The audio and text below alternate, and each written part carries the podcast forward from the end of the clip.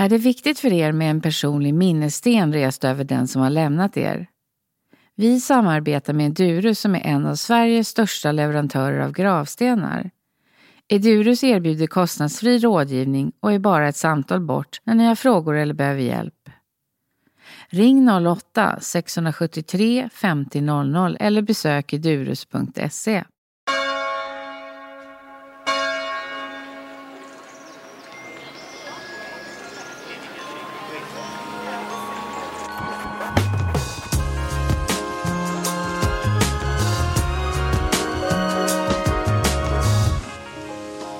Idag är vi i Rättvik och träffar Inga och Anders Åkerlund. Anders, du är ju präst och du har jobbat med det under lång, lång tid. Men du gör så mycket andra saker också. Jag vet inte riktigt var vi ska börja. Vill du berätta lite? Ja, det är inte lätt. Eh, eh, på den här frågan så börjar jag gärna med barndomen. När jag var 11 år tror jag, då sa jag att jag ska bli vad som helst utan att bli präst och grovarbetare. För det var så jobbigt. Jag såg väldigt lite av min far som var präst. Han var borta jämt och i engagemang och sådär. Och så var det en som jobbade i ett dike och slet med det där. Så jag tänkte, det där ska jag inte ägna mig något av det där. Och nu är jag både präst och grovarbetare.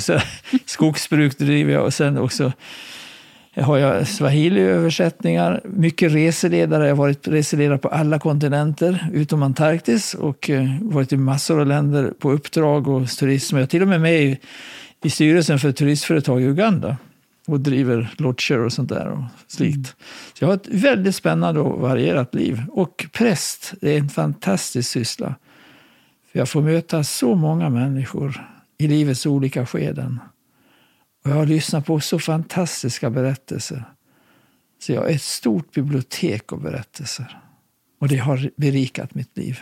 Tycker du att det är någon skillnad på när du är, har dop eller vigsel eller begravning?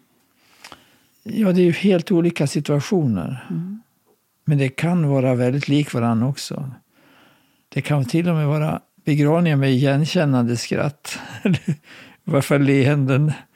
Och det kan vara dop av ord som berör människor. Jag har faktiskt haft dans vid både vigsel, dop och begravning. Mm. Vilket kanske är ovanligt i ett prästliv, men jag, jag uppmuntrade sånt att uttrycka sig med andra media än musik eller framförallt om ord. Och kroppen ska, den säger så enormt mycket. Jag kommer ihåg en begravning till exempel. Det var en konstnär här, fullt i folk i kyrkan. Och vi, jag träffade ett barnbarn till honom som var med vid hans dödsbädd också. Fråga, jag hörde att hon var med i en dansskola. Frågade, vill du dansa din, din sorg efter morfar? Jättegärna, sa hon. Så hon låg framför kistan i vita kläder med en scarf så här. Och så över huvudet och, och eh, framför kistan och altaret. Och sen så dansade hon ända ner till orgelläktaren och tillbaka och tårarna rann och tillbaka under fantastisk musik. Och jag ståpäls än när jag tänker på det. För att livet, döden, kärleken, Gud, det, det är ju sådana här storord som egentligen är bortanför orden. Orden tar slut. Och det är ett intuitiv kunskap som träder till där orden nästan känns onödiga eller svåra. Är svårt att uttrycka mig. Jag känner ofta det som ett elefant i ett glashus som att ska försöka säga någonting. Men är det inte så att du egentligen oftast får tolka någons liv i ord? Absolut. Mm. Och jag gör mitt bästa för att lyssna på människors berättelser. Och det händer väldigt ofta att folk kommer fram och säger Men hur länge har du känt honom eller henne som nu är borta och död? Jag säger att jag har aldrig träffat dem, men jag lyssnar på deras berättelser. Och det är väldigt viktigt att man lyssnar på berättelserna också och för in också kyrkans erfarenhet som är inte något annorlunda egentligen, utan det är någonting som tolkar ju livet, mitt i livet. Och jag gör mitt bästa för att föra ihop också skapelsen, som jag tycker är, som är, som är gemensam för alla människor. Att hela skapelsen finns med, också berättelsen om skapelsen, vad som händer där. För det påminner också om våra liv. Träden, de blir ungefär som jag är nu. Sen börjar de få bli lite annorlunda i huvudet där uppe, längst upp i toppen, och så faller de. Va? Det ser man i träden.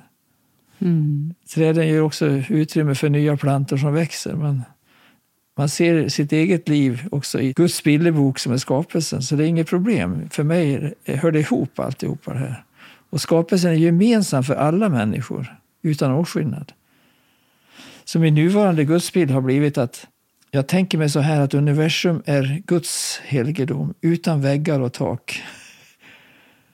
Där det finns rum för allt och alla och där var och en är ett subjekt och inte ett objekt. Det vill säga var och en har en berättelse som bidrar till världens utveckling i det avtryck vi gör. Och därför så har jag ett väldigt öppet sätt att se på människor som resurser och inte som de som inte vet någonting. alla vet, alla bidrar. Mm. Och det gör mig jätterik att se de här varianterna. För det finns bara en gud, en mänsklighet, och en universum ungefär. Så är det för mig. Hur, hur resonerar du när du träffar människor som inte har en tro? Jag gör ingen skillnad på det. Nej. Men jag begraver ju de människorna också, eller har leder begravningsgudstjänsterna utifrån min gudsbild och min öppna gudsbild. Och det är absolut inga problem för mig. Och inte för dem heller? Aldrig. Nej. De brukar säga blanda inte in Gud så mycket. Och det, de, eh, kanske det händer, det händer någon gång. Va? Man känner sig obekväm inför en vigsel och sånt där. Efteråt är det det de tycker är mest tacksamma för. Mm. För, det, för mig hör det ihop och det, det blir på ett naturligt sätt. Mm. Alltså problemet är att man låser in sig vi och dem så mycket. Mm. Även kyrkorna och samfunden. Vi och de där andra. Vi som har ljuset och de andra har mörkret. Det är en totalt vidrig och vansinnig människosyn och, och världsbild. Och därför är varje människa bidrar med någonting. Det är min utgångspunkt. Mm. Har det alltid varit så? Det har växt fram mer och mer. Mm. Med äldre erfarenhet också. Du har ju levt många år i, eller ni har ju levt många år i Afrika. På olika ställen. Ja. Vad kom till dig där? För där kanske man har ett annat sätt också att eh, bejaka begravningen eller livet att, och döden. Alltså Afrika är, det om, ett av de områden där kristendomen går framåt enormt snabbt. Jag har mött i Tanzania en av dem som döptes först av allihopa väster om Victoriasjön. När han dog var det 2,5 miljoner lutheraner, bara lutherska kyrkan. Nu är de 7 miljoner. Men grunden är naturfolkens syn. De byggde aldrig tempel och kyrkor. Och den andligheten bär man in, med sig in i kristendomen som har utvecklat tron på ett nytt sätt. På ett, men inte emot det andra, men det ligger som grund, skapelsen. Så de känner bara att allting är genomstrålar av Gud, finns i, finns i alla och överallt. Det är ett närvaro som är så tydligt. Och jag åker till Afrika varje år för att ladda mina batterier av, av helhetssyn på livet, också där andligheten får en stark plats. Mm. Och det hjälper också till inför döden. Alltså, vi har förlorat ett barn där som föddes och dog i samband med, med födelsen. Jag fick vara med och snickra en liten kista och bära ut i en liten grav där borta i, som vi har en sån i den afrikanska jorden. Och den bär vi med oss, den upplevelsen. För även våra europeiska vänner som fanns där, man förstod att de hade, kände sig obekväma på den tiden med att komma till oss. Vad säger man till folk som har förlorat ett barn plötsligt och oväntat? Jag ber att få, ja, ni vet hur man stammar fram någonting förr i tiden. Nu är det naturligare, men då var det så. Mm. Medan afrikanerna kom in och lyssnade på våra berättelser, sjöng med oss, grät med oss och sa nu har ni varit med om det här och det vet vad vi är. Vi förlorar ofta våra barn. Nu har ni blivit ännu mycket mera som vi. Så det, sånt glömmer man aldrig. Och en sjuksköterska då hade också kommit in till Inga. Då, då låg Per, som vi kallade honom då, in i rummet och död.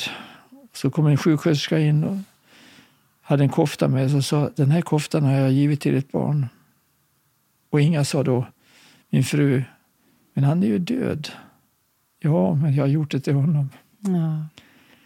Och sånt glömmer man aldrig, att ta också det, det barnet som inte fick leva mer än några sekunder, att ta också det livet på allvar. Det går inte att ersätta.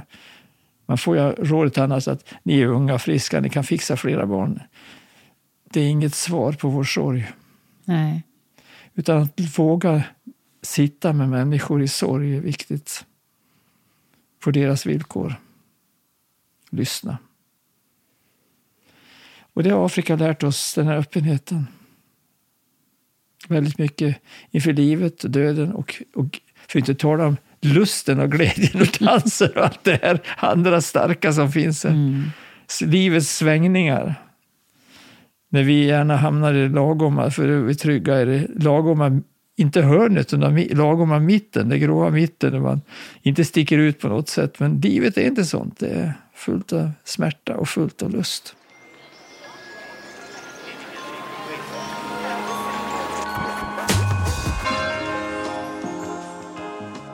Du träffar på lite människor här också som inte är i mitten. Eller hur? Ja. Som vill ha dans på sin begravning ja. till exempel. Ja, häromdagen fick jag, fick jag äran och, och utmaningen att leda begravningsgudstjänsten. En, en god vän som var, stod som förebild för Mupparna i, i The Muppet Show i USA. Han är jättekänd i Amerika otroligt för generationer som har levt i de här showerna och galenskaperna som han ägnar sig åt. Han ringde mig ofta ibland och liksom för sin, sin där han satt ibland och mediterade och drack något gott och åt något gott och sådär. Jag kunde vara var som helst i världen men då skulle jag gärna ha välsignelse av pastorn som han sa. men, och vi satt med honom där också någon gång och sådär ibland. Men, men när han skulle begravas här nu så blev det ju hans stil så att vi jag hade först en reflektion om honom, att modet att han var en förebild genom att han vågade vara sig själv.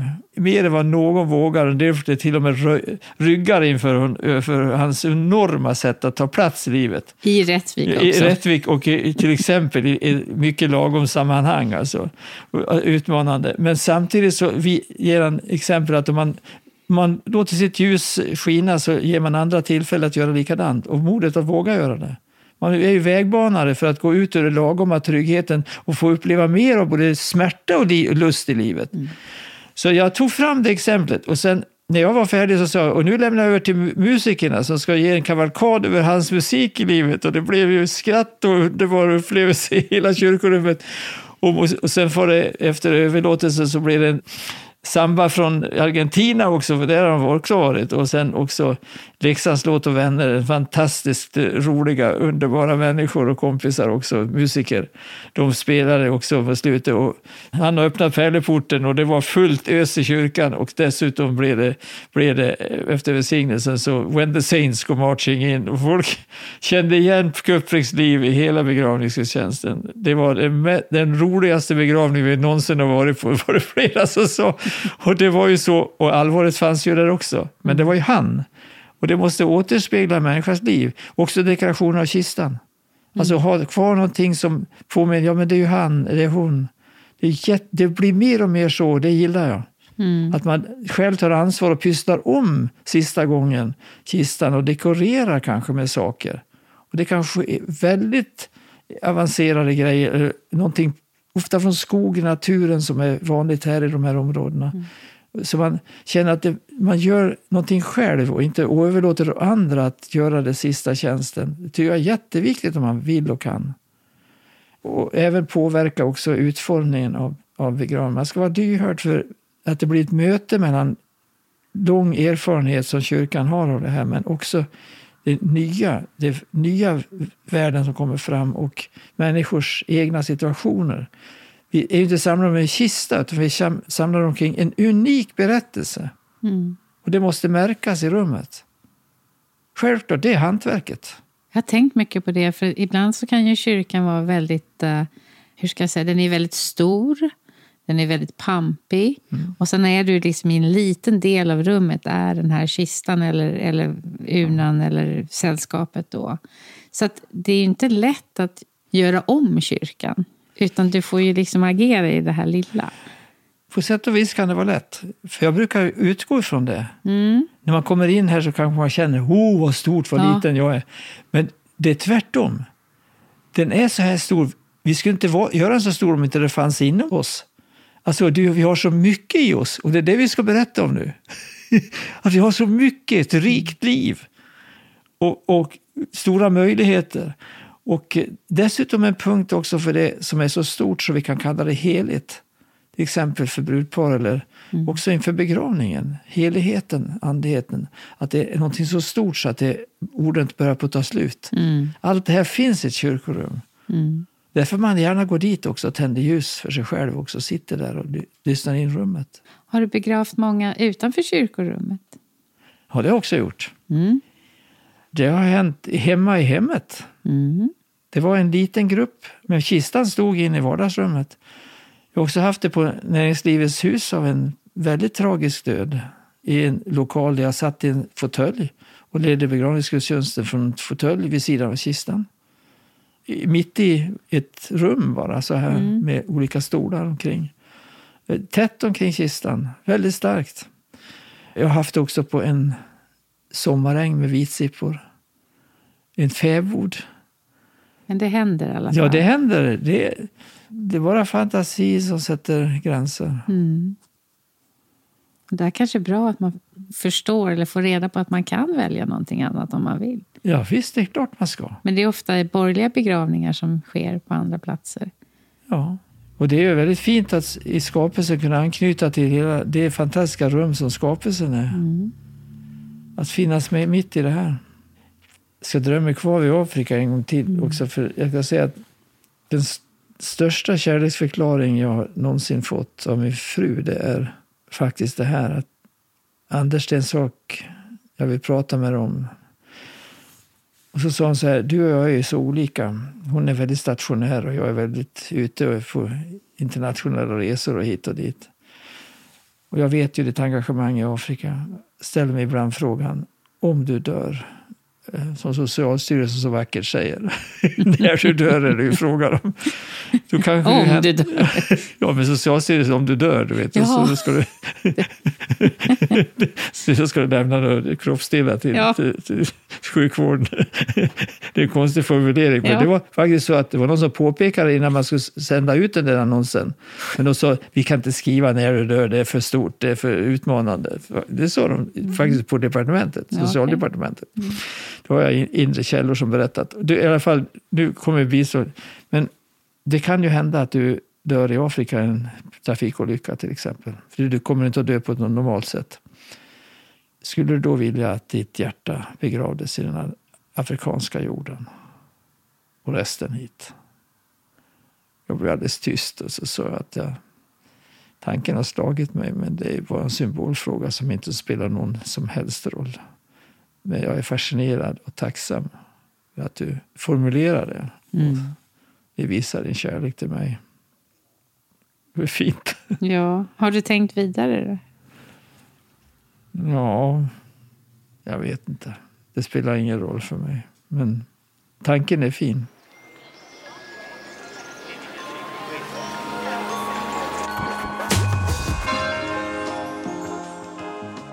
Annat i Afrika då? Som ni lärde er? Jag är så glad över att få ha rest så mycket i livet. För jag ser ju Sverige också ur olika synpunkter. Och jag tycker att vi har ett rikt Sverige men också ett fattigt Sverige. Och det, det är bland annat på de här nära relationerna. Alltså de här ömtåliga, de här sårbarheten när man talar om det som man tänker på men inte vill, vågar prata så mycket om. Det handlar om sårbarhet, om skam kanske och skuld. Men också om lust och väldigt starka upp, positiva upplevelser. Alltså man anpassar sig om väder och vind, det här vardagliga pratet, vad ska göra du? Och, och sånt där tröttar mig ibland. Men just de här nära livet-upplevelserna, de här stora sakerna man är med om. Och jag tänker så här att om vi i vårt land har med oss en filosof som säger att jag tänker, alltså existerar jag. Det vill säga det förnuftiga, känslan och tanken. Det här vuxenpratet, om ni förstår vad jag menar. Så har Afrika översatt det snarare i att jag är en del av en hel, sammanhang, en helhet. Med människor, djur, natur, Gud, allt hör samman i en helhet och jag har en större, vilar en större trygghet än jag själv kan skapa. Så ökar tilliten mycket mera i sånt sätt att vara. Och vårt västerland lider av tillitsbristsjukdomar. Och det prövas ju enormt vid en begravning. Mm. Var är tilliten nu? Och då är det gott att ha en teddybjörn som jag som står där vid kistan och finns med människor mm. i situationen. Och vi är ju många som fungerar på det sättet. Alltså vi bottnar en större tillit och den bjuder vi på mm. Vid kistan ungefär. Men att många har det svårt? Att... Många har det svårt att hitta, för hela tillvaron faller samman. Vi kan inte förhandla om döden. Nej. Och vi har Inget socialt system fungerar i, när någon är död. Va? Alltså, Varför tror du att det är så här? Är vi inte nära våra känslor tillräckligt mycket? Inte nära våra Eller är det historiskt? Vi har inte med oss heller den här erfarenheten som vi baserar vårt liv på andra värden. Alltså, mm. Det finns en oerhört begåvad um, trippeldoktor från Paris universitet, men han är ursprungligen från Marocko, som jag träffat, som jag lärde känna. Som sa så här, Anders, Sverige lider av en statsreligion. Och det är väg att mäta kulturen. Det som man kan väga och mäta, mm. det karlar känner sig traditionellt trygga med. Ingenjörer, ja, brukar jag säga. Det, det, kan man basera sitt liv på. Men när det inte det längre gäller, va? och inför de stororden så spelar så är det någonting annat som händer med en. Då är man väldigt tafatt och sådär, eller så, kan vara så, mm. oerfaren. Och då har man ingenting att vila på. Och jag har lagrat enormt mycket tillit i mitt liv. I möte med människor, djur, natur och, och Gud och hela det här sammanhanget jag står i. Och det har, prövats, det har prövats många gånger i mitt liv känns ändå som du har träffat så många spännande människor, att du också drar till dig i de här mötena, att du är öppen för dem. Ja.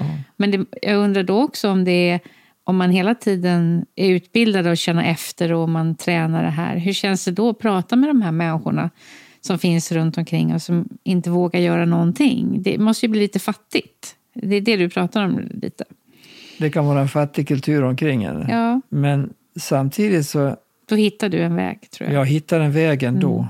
För eftersom jag inte är rädd att alltså också tala om Gud, inte för att övertyga en annan, utan bara berätta så här rakt som jag gör nu. Mm. Så känner de ju att jag är inte där för att förändra dem, utan jag, jag, delar, jag delar mitt liv och min tro med andra människors liv och tro mm. på samma mm. nivå. Det är för mig jätteviktigt, ömsesidigheten. Mm. För det är också, allting är roligt, va? det är spännande. Varje människa är en otroligt fascinerande berättelse. Kommer det här från vår bakgrund? Jag tänker, du och jag är ju faktiskt tremänningar. Vi härstammar från samma gård, ja. Kallegården i Siljansnäs. Ja. Var kommer vi ifrån för släkt? Där börjar det någonstans, mm. det som jag berättar om nu. Det fanns det en del som hade förankring mot ett väldigt starkt variant av kristenhet som hade med förbud och nej och så vidare. Va? Min morfar hade del av det och var med också i en väckelserörelse. Och också med en karg fru, tror jag han hade faktiskt. De minnena har jag från barndomen. Mm. Och hon kom från, nej, hon kom från ett annat håll, men det var sam, den kulturen i alla fall. Och morfar hade mycket pekfingrar från det hållet. Medan den andra hade fullt av humor, lust och kreativitet. Och från den sidan av bingen kommer du och jag. så, så säga, för att vi, vi, prövar och provtänker och provtror och det är öppet och det är fritt och vi har inga... Ja, vi har lust och vi gör saker som är spännande. Mm. Det är för att vi är nyfikna. Och din far, och humorn. Och din far, han eh, kom ju från... Han hade ju bott i USA. USA och hade en karg som jag upplever, mycket kargmor. Och det är ledarna av mycket, men drogs också till, till min mor som hade mer av det här. Men också hade delar av sin mormor också. Men hon var oerhört flexibel och, mm. och öppen på många sätt. Och hade mycket av det här Kallegården bakom sig från den positiva sidan. Där. Kallegården känns som den var alltid öppen, folk var välkomna. Ja, så var det. Det var där det hände liksom. Ja, absolut.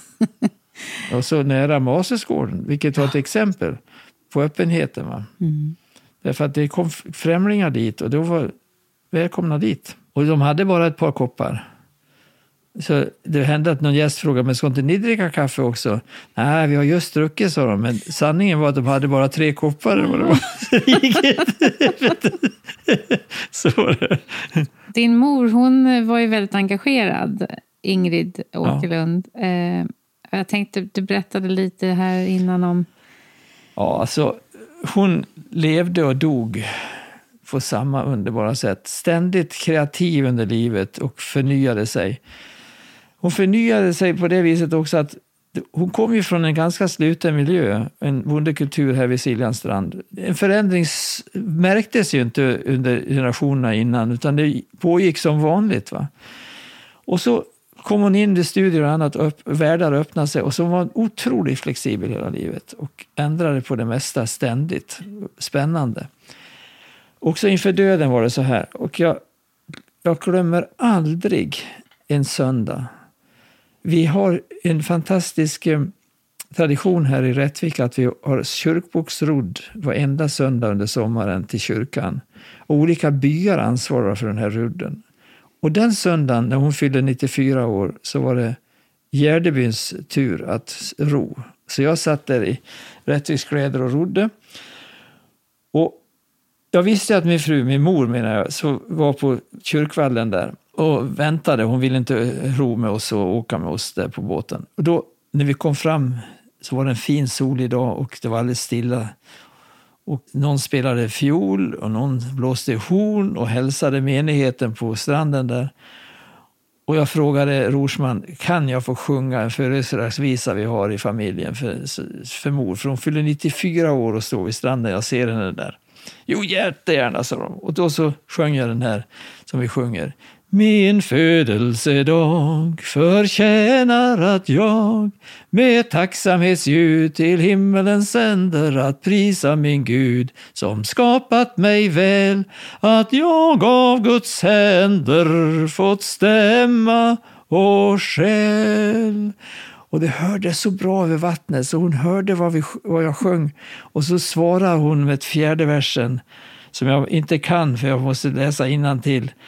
Och om jag ej mer min födslodag ser så ske som du vill, jag haver i tanken från jorden mig skilt.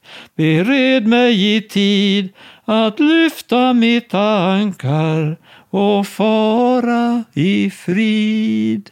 Hon sjöng alltså att, att göra uppbrott från jordelivet mot himlen till Gud i, alltså i fjärde versen med sin 94-åriga stämma. Och tre veckor senare dog hon. Mm. Och det glömde jag inte heller, för att hon höll på att dö flera gånger på lasarettet. Jag åkte dit med en kartong med sån här gammal kartong med silkespapper i botten som han förvarade sina kläder hon skulle ha i kistan. För jag trodde hon skulle dö. Men jag fick åka tillbaka med det och sätta upp det på, på, ovanpå garderoben i, i rummet där hon låg på, på sjukhemmet eh, flera gånger. Och sen när hon äntligen dog, jag, bara säga, jag visste, ville inte att hon skulle dö, men eh, det verkar vara med på flera gånger, men hon dog.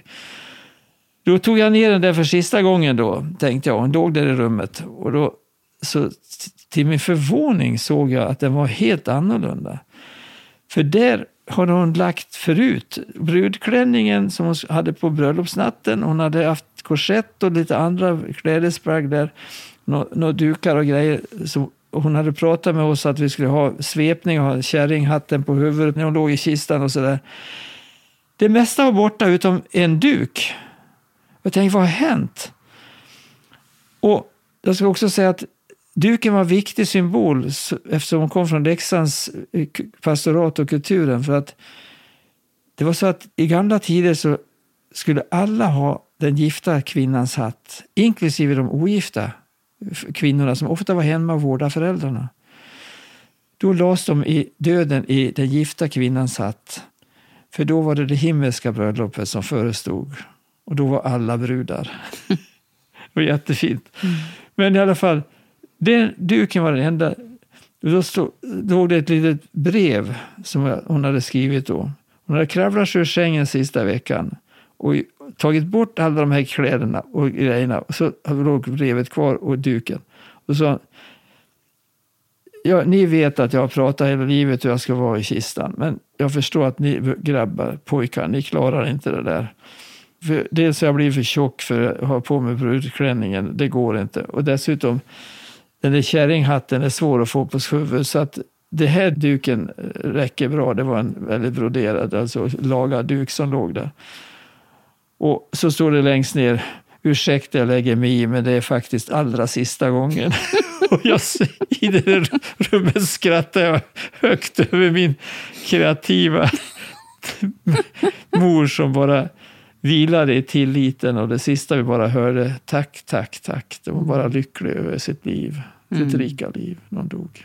Och det där är nedärvd bondekultur som har med närheten till kyrkan att göra väldigt mm. mycket. Och närheten till man, människor, djur, natur och, mm. och livet självt. Och på den tiden så var ju, när någon dog så dog de väl hemma, de dog i byn och man Absolut. såg det. Det var inte långt borta, det var inte Nej. undanskuffat som Nej. det är nu. Eller vi har ju sett till att det blir ett mer ett mellanrum mellan oss och döden. Om man inte är präst kanske, eller begravningsan. Jag har ju varit med vid många tillfällen där vi har haft bön också vid, när människor har dött. Ja. Jag var med också ny, nyligen, sådana saker. Och det händer lite då och då.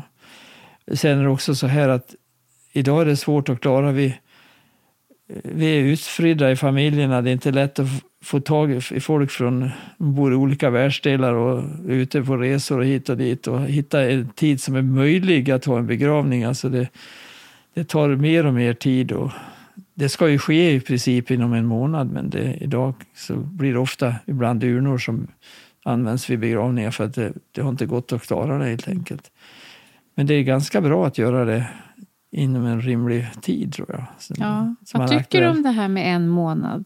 Det är det längsta i hela ja. världen tror jag. Ja, det är mycket lång tid. Och det är många som går över det på grund av att man använder urnan ja. så att säga och samlas omkring den. Ja.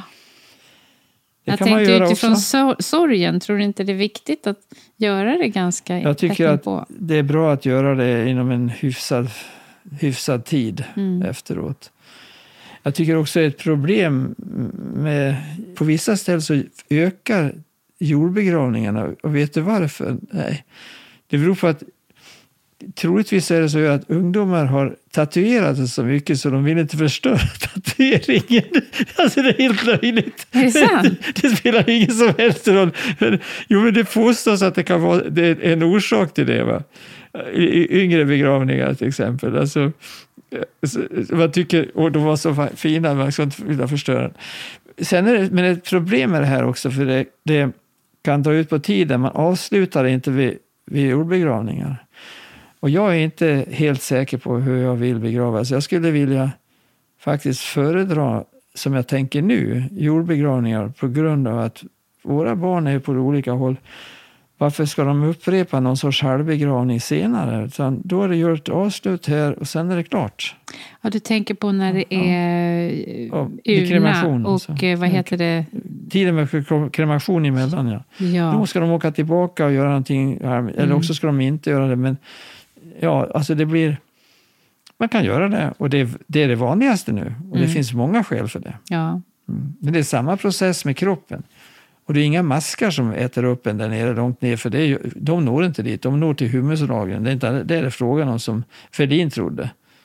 Nej. Nej. inte ett dugg, utan det handlar inte alls om det. Utan det är en förändring av kroppen som sker lång tid vid jordbegravningar och kortare tid i en kremation. Ja. Mm.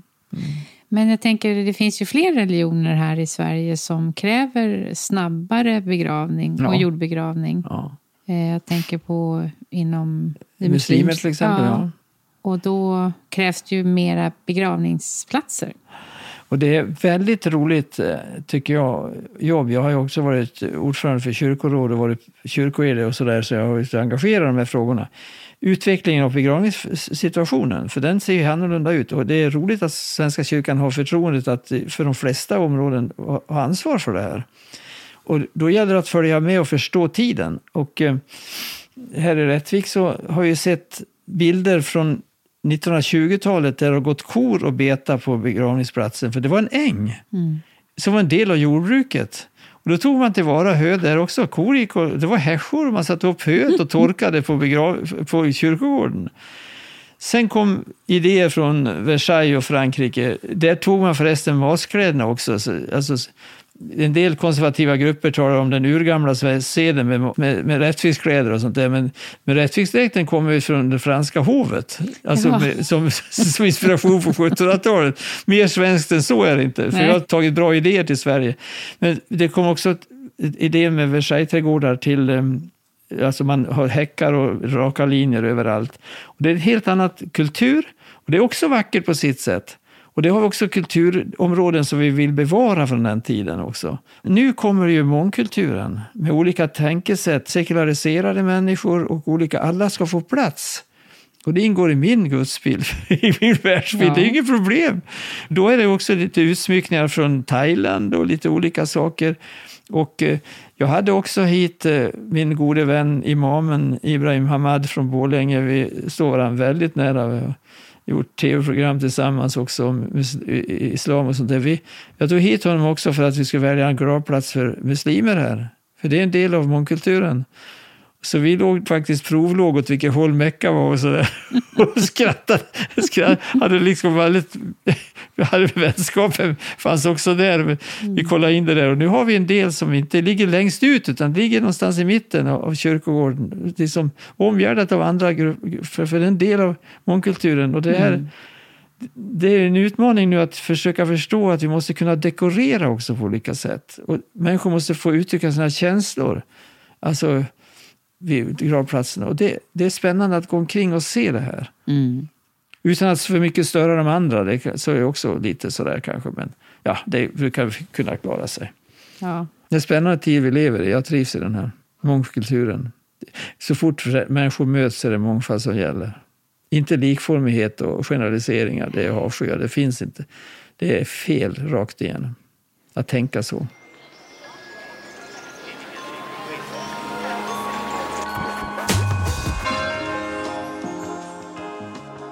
Är det några begravningar som är svårare än andra? Alla begravningar är svåra. Mm. För det är ingen begravning som är rutin. Och jag talar aldrig med manus överhuvudtaget. Jag har ett koncept någonstans, men det brukar bli annorlunda än vad jag har tänkt mig varje begravning är en utmaning för man möter också sin egen död i begravningen. Att man ser att livet är ändligt. Man står och reflekterar. över någonting som händer i både mig själv och i rummet. Och så ser jag några människor jag korresponderar med. Men det är klart att det finns begravningar som är väldigt tragiska. Och det är det kanske är en väldigt gammal man som är död 95-100 år sådär. Och så är det kanske ett par stycken närvarande. Äldre människor. Mm. Då känns det lite hopplöst på något vis. Och då är det skönt att barn är med och flera generationer. Det känns friskare och sundare för det kommer mera. Det är också naturens fantastiska sätt att återkomma till, komma igen överallt. Och det gör också generationerna, kommer igen, tar vid. Då är det mera hopp och framtid i det. Men det är också väldigt tragiska, plötslig död mm. som skapar en enorm stämning i, både inom mig själv. Hur kunde det bli så här? Och eh, också i rummet. Att människor kommer dit med nästan vrede och tomhet. Då får man vara där, men ändå vända det så mycket ljus det går att få in. Men varje begravning är en utmaning att vara nära människor och nära Gud samtidigt. Va? Ja, det är som rysk roulette ungefär. Ja. jag känner det varenda gång nästan. Som, Det måste ju också vara... ofta känner jag mig tom efteråt för det är så mycket Ja. känslor. Och det måste ju också vara så svårt innan. Ja, det Veta hur det ska bli. Alltså, jag har ett problem när när jag talar med, utan manus så finns det ingenting att lita till så. Och jag lägger mig ofta på kvällen innan, både inför Guds söndagsgudstjänster och annat, och det är inte klart. Men på morgonen kan jag vakna med en ny infallsvinkel. Och då vet jag på morgonen, hjärnan är otrolig. Jag blir inte förvånad vad min svåger, professor i biokemi, eh, berättade för mig för en tid sedan. Att de flesta Nobelpristagare i, i hans ämnen, och han är med och väljer Nobelpristagare, de flesta Nobelpristagare de har, kommer från Birmingham per professurer, alltså antalet professurer. Och de har kommit på varför, det är kantinen där de träffas och möts. Och vid ett tillfälle så kommer en en professor och sa jag, jag har ett problem som jag inte kan klara. Så kom en kollega och satt och åt samtidigt. Så sa det här, så här ser det ut. Går jag och sa jag hittar inte heller. Jag kan inte se svaret på det där problemet. Och sen så gick det en dag så kom han tillbaka nästa dag och sa Hör du, nu har jag lösningen på det, sa den här som fick frågan. Jag kom på det, för, men det var under natten då hjärnan fungerade. På morgonen visste jag vad svaret var. Och den där som kom på svaret, han blev Nobelpristagare, men inte han som ställde frågan. men det var hjärnan som hade gjort jobbet Ja, när ja, han ja. sov. det är hjärnan och livet. Det är fantastiskt. I min ålder har jag- har mitt hjärta slagit över tre miljarder slag. Natt och dag, utan ledighet och semestrar. Det börjar med en inandning och det kommer att sluta med en utandning. Amen. Jag vill tacka dig Anders att vi fick komma hit till er här i Rättvik. Tack! Tack själv. Gå gärna in och prenumerera på Min död, min begravning. Då får du reda på när nya avsnitt släpps och där kan du betygsätta podden. Och då hjälper du andra att hitta oss. Tack för att du har lyssnat.